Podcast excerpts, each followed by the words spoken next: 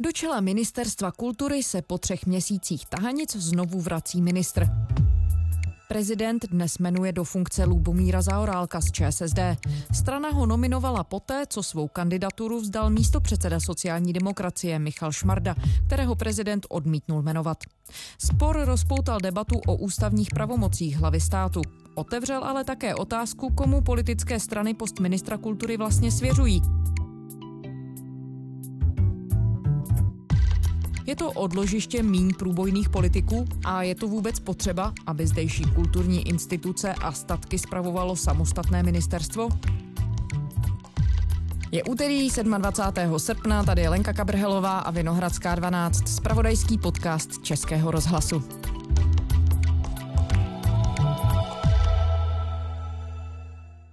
Novým ministrem kultury by se měl stát někdejší šéf zahraničí Lubomír Zaorálek z ČSSD. Je... Prezident Miloš Zeman s tím souhlasí, problém se Zaorálkem v čele kultury nemá v obecné rovině ani premiér Andrej Babiš z Hnutí Ano. Já věřím, že Lubomír Zaorálek bude posilou eh, vládního týmu eh, sociální demokracie v těch eh, závěrečných kolech jednáních o státním rozpočtu na příští rok.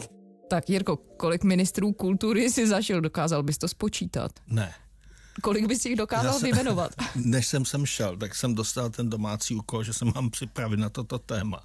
Tak jsem si vzal tušku a papír, ale potom jsem musel rychle odejít a skončil jsem u Pavla Dostála. A to je tak v polovině. Ale potom byl ještě další, takže asi takových 12, 15, možná 20. Jiří Peňáz je komentátorem Echa 24 a o kultuře a kulturní politice píše už 30 let. Prostě ten minister kultury to je taková zvláštní funkce.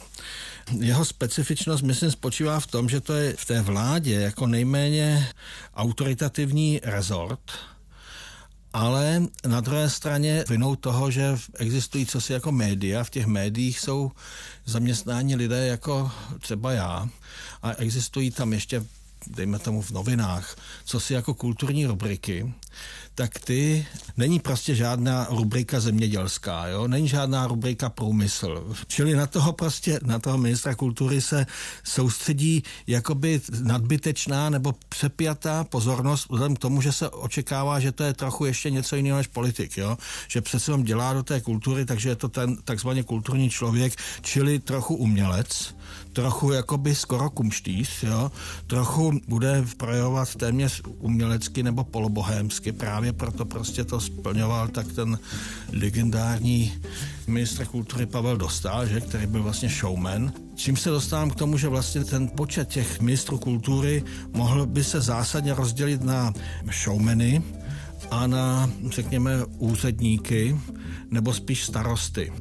A přičem, starosty ve smyslu, že starostovali ten rezort. Starostovali, ale dokonce starosty i jako předchozí starosty, jo. No a jedny ty showmeny dodávala sociální demokracie, když tedy to na ní připadlo a takové ty solidní, trochu šedivé jakoby úředníky, kteří předtím byli většinou ve funkcích náměstků, tam dodávala strana lidová, když byla ve vládě. A u těch socdem to je samozřejmě ten archetyp je Pavel Dostal. Minulý týden mi volá Bohdánka a říká, chceme tě pozvat na premiéru. A říkal, prosím tě, jak se to jmenuje?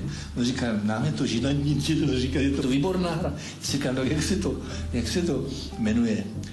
A ona říká, no, když do hromky, tak tanečním kruchem. Ale i proslulý ministr Jandák, což byl taky velmi viditelný ministr kultury. Já mám promluvit o rezortu kultura, o ministerstvu kultury. Ministerstvo kultury chtěli bych klid a tak vychová nejsem, tak musím mlčet. A to byl taky tedy ten showman. Z části to tam, byť nebyl za sociální demokracii, tak to byl Stropnický, který byl sice ten herec, teda měl ty kontakty do toho uměleckého světa a zároveň byl diplomat navíc ve výslužbě asi se vždycky pro něho hledalo něco, co by jako tak mohlo být a chvíli byl taky ministrem kultury. No a potom je tam ta řada těch lidoveckých ministrů, takových trochu introvertních mužů, jako byl třeba kdysi ministr Talíř, potom samozřejmě Daniel Herman. Ale chci říct, že na ně byla upínána nějaká taková trochu větší pozornost právě než na toho ministra zemědělství nebo ministra rozvoje. Ještě je zajímavá věc, že tam vlastně nikdy s jednou výjimkou tedy paní Hanákové tam vlastně nebyla žena. Třeštíková tam byla, to byl takový zvláštní případ. Chápu současnou složitost politických jednání, ale nehodlám pro udržení funkce ministra obětovat svou lidskou čest a sebeúctu. V čele ministerstva kultury Helena Třeštíková vydržela 16 dní. Nová ministrině kultury už úřaduje. Do funkce jí dopoledne jmenoval prezident Václav Klaus. Alena Hanáková, poslankyně za starosty a nezávislé, chce, jak řekla, navázat na to dobré, co za sebou zanechal její předchůdce Jiří Besr. Ten musel odejít kvůli příliš těsné spolupráci s podnikatelem odsouzeným za korupci. Za jednu ze... Ale ministrině Hanáková, což byl jakoby pokus o nějaké oživení, ale taky to vychází z té logiky, že vlastně jakoby tu kulturu zvládne každý, nebo že vlastně na tom moc tak nezáleží, že se to teda strčí jako někomu, kdo tak by jakoby mohl, ona byla taky starostka, že?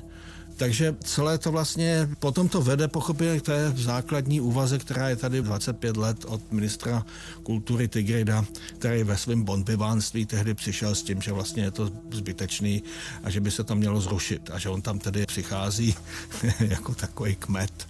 A vlastně smyslem toho by bylo ideální najít ten model, aby se to prostě nějak rozpustilo, tak tehdy on nechal sepsat těmi svými úředníky takovou nějakou bílou knihu. A tehdy to bylo odmítnuto, ale vlastně myslím si, že celá další existence potvrzuje, že na tom něco je. Pojďme to tedy vzít teď od toho nejnovějšího člověka, který má zasednout v roli ministra kultury, a to je Lubomír Zaorálek. Ve vládě není žádným nováčkem, bývalý ministr zahraničí za sociální demokracii. Kam spadá mezi těmi lidmi, o kterých si mluvil, na jedné straně showman, na druhé straně úředník? Já myslím, že spíš showman. Showman politik intelektuál, nebo aspoň tedy s tou maskou intelektuála, která se projevuje nesmírně dlouhými řečnickými výkony a schopností tvořit nekonečné souvětí a neustále odkazovat na svoji vzdělanost, která myslím si, že pravděpodobně ve srovnání s takovým průměrem politickým existuje. Zároveň je to politický takový nonkonformista, takže má občas velmi, já to nechci nějak ideologizovat, ale řekněme, že prostě jsou to hodně tedy nalevo názory, ne snad ani tady na fungování asi ministerstva, ale když zabrousí do nějakých takových světonázorových pohledů. Jo? Z těch sporných výroků v poslední době o té dědičné vině západu, o tom, že západ dědičně je odpovědný za kolonialismus a, a tak dále. Takový ten západní masochismus. No a když tedy prezident Zeman a nakonec i premiér Babiš kritizovali pana Šmardu, který měl být ministrem kultury, za to, že není profesně kvalifikovaný, je skutečně mezi Lubomírem Zaorálkem a panem Šmardou tak velký rozdíl? No, to já vůbec nejsem schopen posoudit, protože v čem by ta kvalifikace měla úplně spočívat. Jestli ve znalosti, já nevím, nějaké teoretické filozofické literatury, no tak Zaorálek vystudoval filozofii, která se tehdy nuceně jmenovala marxistsko-leninská filozofie, pan Šmarda, myslím, vystudoval nějaký Gimpel nebo něco takového. Ale já myslím, že o to až tak moc nejde. Bazálně pravděpodobně ministr kultury, jeho hlavní snaha je dostat co nejvíc peněz O to se ale snaží každý rezort. Jenomže na rozdíl, když tam přijde někdo z ministerstva sociálních věcí nebo školství, a nebo třeba i obrany, tak každý řekne, no, na to skutečně je nutný dát co nejvíc peněz. Když tam přijde někdo z ministerstva kultury, tak je to prostě nejslabší hráč. To jaksi je z podstaty věci a bohužel to tak je. Takže z hlediska relevance jeho nároků, že to je nutný podpořit, dejme tomu nějakou silnou osobností, nebo dejme tomu i třeba tím, že to podpoří tím nekonečným retorickým výkonem, tak to lze předpokládat, že v tomhle je kompetentnější asi Zaorálek než pan Šmarda, který je, aspoň co jsem si přečetl, docela slušný starosta v tom novém městě na Moravě. Já bych to možná řekl s mírnou nadsázkou. Určitě je lepší být hlavou v novém městě na Moravě, než ocasem v celé České republice. Já si nemůžu pomoct. Já si myslím, že v tomhle měl, Zeman samozřejmě nikdy nemá pravdu, ale v tomhle speciálně trošku měl pravdu, když tedy jak si od začátku vyjadřoval své pochybnosti, zda pan Šmarda je ten úplně nejlepší kandidát na ministra kultury a svým způsobem hned na začátku, když řekl, že bude mnohem prospěšnější sociální demokracie jako nějaký volební manažer na Vysočině, tak v tom jako byla dokonce i taková nějaká nabídka té sociální demokracie, ať si to rozmyslí. Já vím, že jde o principiální věci a že tady prostě prezident nemá co mluvit do výběru ministrů a tak dále, ale proč mu nabízejí takový slabý kusy, který tak jednoduše odstřelí, že? Nebo tak jednoduše se jich zbaví. To je, se do té pasti tedy naběhli sami a Zeman si tu svoji koři z chutí vychutnal, no.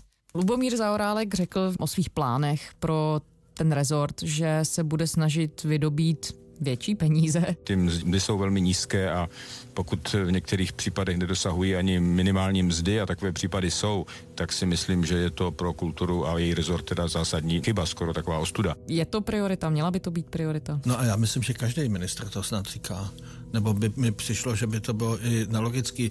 Ministerstvo kultury by samozřejmě mohl řídit nějaký jiný úřad, ale tady je nějakých 80 příspěvkových organizací, různých muzeí a galerií a co platí z nějakých si strukturálních důvodů ministerstvo kultury, což by už dávno asi nemuselo být v této podobě, ale nenašel se pravděpodobně model, kdo jiný by to platil. No a o tom se mluvilo už začátkem 90. let, že to nějak se bude transformovat. Pořád existuje bájné slovo transformovat, ale vlastně žádné transformaci asi, což pravděpodobně bude tím, že to asi moc nejde. A já věřím tomu, že platy v těch příspěvkových organizacích toho typu jako nějaký lázeňský orchestr někde, který z nějakých si důvodů je prostě pod ministerstvem kultury nebo někde v muzeu v Uherském hradišti, tak tam ty platy jsou bídný, o tom nepochybujme. Ty jsou určitě mnohem horší ještě, než jsou platy učitelů na tom samém městě a přitom je to, ano, kvalifikovaná práce. Když ten sport teď trval tři měsíce u ministerstvu kultury, tak projevilo se to reálně nebo projevuje se taková věc reálně na chodu ministerstva kultury? Nebo se nakonec ukazuje, že je to rezort, který prostě jede nějak administrativně podle svých vlastních kolejí a v podstatě to nevadí? Já nemám tušení, ale každopádně předpokládám, že ve Valštejnském paláci a v nějakých těch detašovaných pracovištích jsou profesionálové, kteří vědí, co se musí dělat. Takže to bych nepřeceňoval. Samozřejmě se potom stanou věci, a to je případ Staňka, kdy došlo k těm několika, řekněme, voluntaristickým rozhodnutím. To znamená to odvolání Národní galerie a Olomouckého muzea ty jeho rozhodnutí na poslední chvíli. Bývalý ministr kultury Antonín Staněk z ČSSD krátce před svým koncem ve funkci odvolal většinu Rady pro klasickou hudbu. Ta uděluje dotace festivalu. To je něco jiného. Ale co se týče toho aparátu, který musí fungovat, který musí zajišťovat právě ty platy, aby se poslali, právě existují nějaký granty, existují všechen ten běh toho aparátu, no tak to by snad pro boha se nějak projevit nemělo.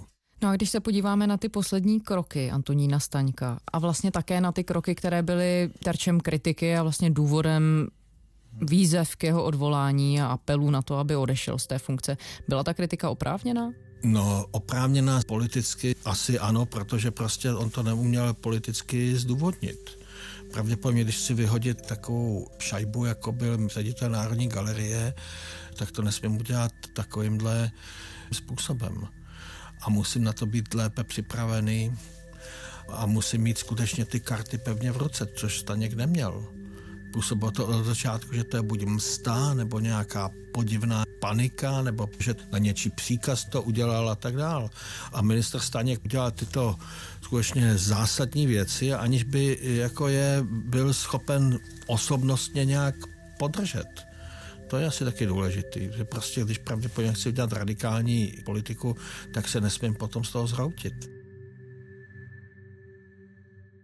Když jsi mluvil o tom, že v tuhle chvíli to nevypadá, že by někdo byl schopný transformovat ministerstvo kultury tak, aby fungovalo podle nějakého ideálu. Víme, co ten ideál vůbec je? Ten ideál je určitě v Rakousku, určitě v Německu. A jak to tam vypadá? Že jsou ty lidi spokojení a že mají slušný platy třeba. A můžeme Až... popsat, jak to funguje? Tam je to ovšem decentralizovanější především jsou podstatně bohatší ty společnosti. To je primární věc. No a potom je tam to, o čem se leta mluví, o, o nějakých formách odpisu zdaní, o mnohem jednodušším sponzorování, odpis daní je, představte si, že prostě místo toho, aby jsme platili těch 20% na daní, tak si řekneme, budeme prostě 5% si dávat, já nevím, na školu žonglování nebo na festival starého cirkusu třeba. Ale z nějakých důvodů to nejde. Možná by to zase vedlo k šílenému nárůstu byrokracie, jak by se to vlastně dělalo. Pravděpodobně tady je strašně zanedbaný ten památkový fond, čili prostě naše památky. My si pamatujeme, že za socialismu si se stát úžasně stará o památky a ten se o ně vůbec nestaral. Ten si vytipoval každou padesátou a to byl ten státní hrad, tam se jezdilo, ale ve skutečnosti prostě jsme zdědili ruiny. Takže já, pro mě by priority, kdyby ty peníze byly, tak já prostě bych byl jednoznačně, že se opravují památky než tedy takzvaně to živé umění. Nejznámější takový exponent tady toho kulturního cynismu je Milan Knížák, který říká, umělec tady se neuživí sám, není žádný umělec a naopak to umění nesmírně prospěje po kultuře, když ty lidi se budou o ty věci starat sami. Já se domnívám, že ministerstvo kultury je nepotřebné jako řada dalších ministerstv. Já si myslím, že exekutiva má být to nejstručnější, nejjednodušší a že to je k prospěchu věci. Já myslím, že to má logiku. Já v podstatě v této věci s ním spíš souhlasím a o to víc by se měli opatrovat to dědictví, to, co tady zůstalo. Ale nálada je na druhé straně spíš taková, že dobře, když bude každý umělec ze státních peněz a že prostě vymyslí nějaký festival nebo co si takového, by měl každý dostat grant. A to si nejsem úplně jistý, ale to je asi na jiné téma. No já jsem se chtěla dostat tomu k té tezi, vlastně, kterou si říkal a interpretoval si pana Knížáka, že vlastně žádné ministerstvo kultury není potřeba, že by mělo fungovat jenom to umění, které si na sebe dokáže vydělat, tak eh, dalo by se asi namítnout, že typu, když se člověk podívá na to, jak to funguje v zahraničí, že částečně k tomu třeba je potřeba mít lidi, kteří jsou velkorysí mecenáši, kteří jsou ochotni financovat nějaké umění, protože to asi vždycky jaksi komerčně úspěšné nebude.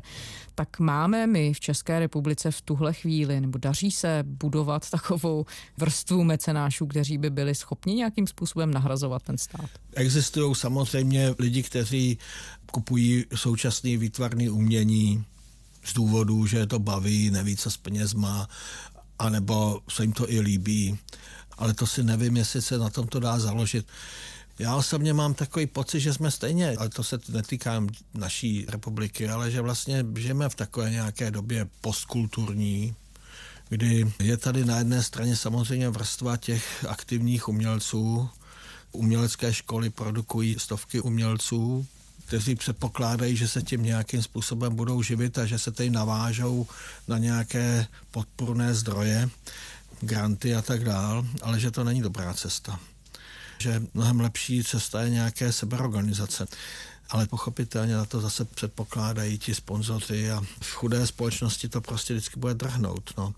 Ale jiná věc je samozřejmě, že tady takové věci, jako je třeba kinematografie, nebo náročné divadlo, nebo symfonické orchestry, tak ty nelze asi platit do kasičky z příspěvků ale to jsou zase jiný způsoby, jak financovat třeba kinematografii. A o tom je strašný sport. Já osobně v tomhle nejsem radikál, jako spoustu mých kolegů, kteří říká, nic prostě stát vůbec do toho nemá platit a prostě ať si každý tak co, tak se nebudou točit filmy, tak jich prostě se natočí dva nebo tři. Já myslím, že by to byla škoda už jenom z toho důvodu, že film je prostředkem nějaké sebereflexe, nějaké společenské existence, i když je otázka, jestli to skutečně současný film plní. To si nejsem úplně tak jistý. Proč by stát zase měl platit něco, co umělecky jak špatný a ani to nikoho nezajímá. Ale to už je téma přesahující ministra kultury, který s tím stejně nic neudělá. Já si myslím, že Lubomír Zaorálek bude ministrem plamených projevů, nebo plamených, bude prostě schopen nějakým způsobem otevírat ty sáhodlouhé monology, kde bude promýšlet prostě k čemu kultura je, což já tady taky teď dělám. Za ty tři měsíce, co jsme tedy sledovali celou tu bitvu o ministra kultury, vyplynulo z nich pro tebe cokoliv nového nebo otevřelo to jakékoliv nové téma, které by se týkalo samotného toho rezortu? Tak spíš zase, ale to přece víme, spíš tam irrelevantnost toho postu ta jako vlastně nevýznamnost. Jiná než teda do počtu v té koaliční rovnici. Co se týče toho, že by to byl člověk s nějakou jasnou ideou, s nějakým přehledem, který by věděl přesně to, co chce, tak to vidíme, že to je až v druhé řadě a nelze to očekávat ani od pana Zaorálka, který jako jinak je určitě inteligentní člověk. Když jsi říkal, že si tady ukázalo, že ten post je irrelevantní, tak jaká to je zpráva pro lidi a členy kulturní obce, kteří protestovali v Dubnu a opravdu jim na tom rezortu záleželo. Co se tedy no tak tady ještě, ještě vlastně to jsem zapomněl říct, že ještě ta zvláštnost je, že nejen tedy je to mediálně pozorované zvláštní takový pískoviště, ale u kultury existuje co si jako ta kulturní kavárna, ta kulturní úderka, která okamžitě, jakmile se něco takového stane, tak prostě jde do boje a má tu zvláštní, proto taky je tím zbytkem národa tak nesnášená zejména, protože má skutečně mnohem otevřenější prostor do médií a prostě je podpocena těmi svými estrádními obličeji. Jo, takže s tím musí prostě ten ministr nějak počítat, jo, což prostě ten Staněk s tím vůbec nepočítal. No a je otázka, Zaorálek, vzhledem k tomu, že Zaorálek je ten intelektuál a prostě, jak i napsalo pár lidí, prostě chodí do knihkupectví a pravděpodobně skutečně i čte nějakou literaturu, tak to nějakou dobu asi bude mít dobrý, protože jakože vypadá, že je takzvaně náš. Dá se říct, že co jsme se dozvěděli je to, že na ministerstvu kultury až tak nezáleželo a dál až tak nezáleží? Záleží na tom jednom členovi taky prostě, když tam jako ta funkce, o tom jsou ty Parkinsonovy zákony, když prostě nějaký úřad existuje, tak všichni dělají všechno pro to, aby existoval, naopak se rozšiřoval. Nikdo ho nezruší. To je jedna věc. A další věc je prostě vláda, nějaká sestava nějakých členů, no a prostě v socdem je tam jaksi sice ta strana otloukánek nebo tak, ale prostě svého ministra tam chce. Kdyby to byl ministr akvaristiky, tak by byl boj o ministra akvaristiky proto udělali tu chybu tím panem Šmardou a my jsme pak si vzpomněli, že tedy je tam mají toho svého zlýho muže z Ostravy. Jiří, no, Pe- no. Jiří Peňáz, komentátor Echa 24, dlouholetý dopisovatel o kultuře a kulturní politice. Děkujeme. Děkuji také, není zač. To byla úterní Vinohradská 12. Děkujeme, že nás posloucháte a pokud to děláte rádi, řekněte o nás svým známým a přátelům. Psát nám můžete na adresu vinohradská12 zavináč rozhlas.cz a najdete nás kdykoliv v podcastových aplikacích i na spravodajském webu iRozhlas.cz. Těším se zítra.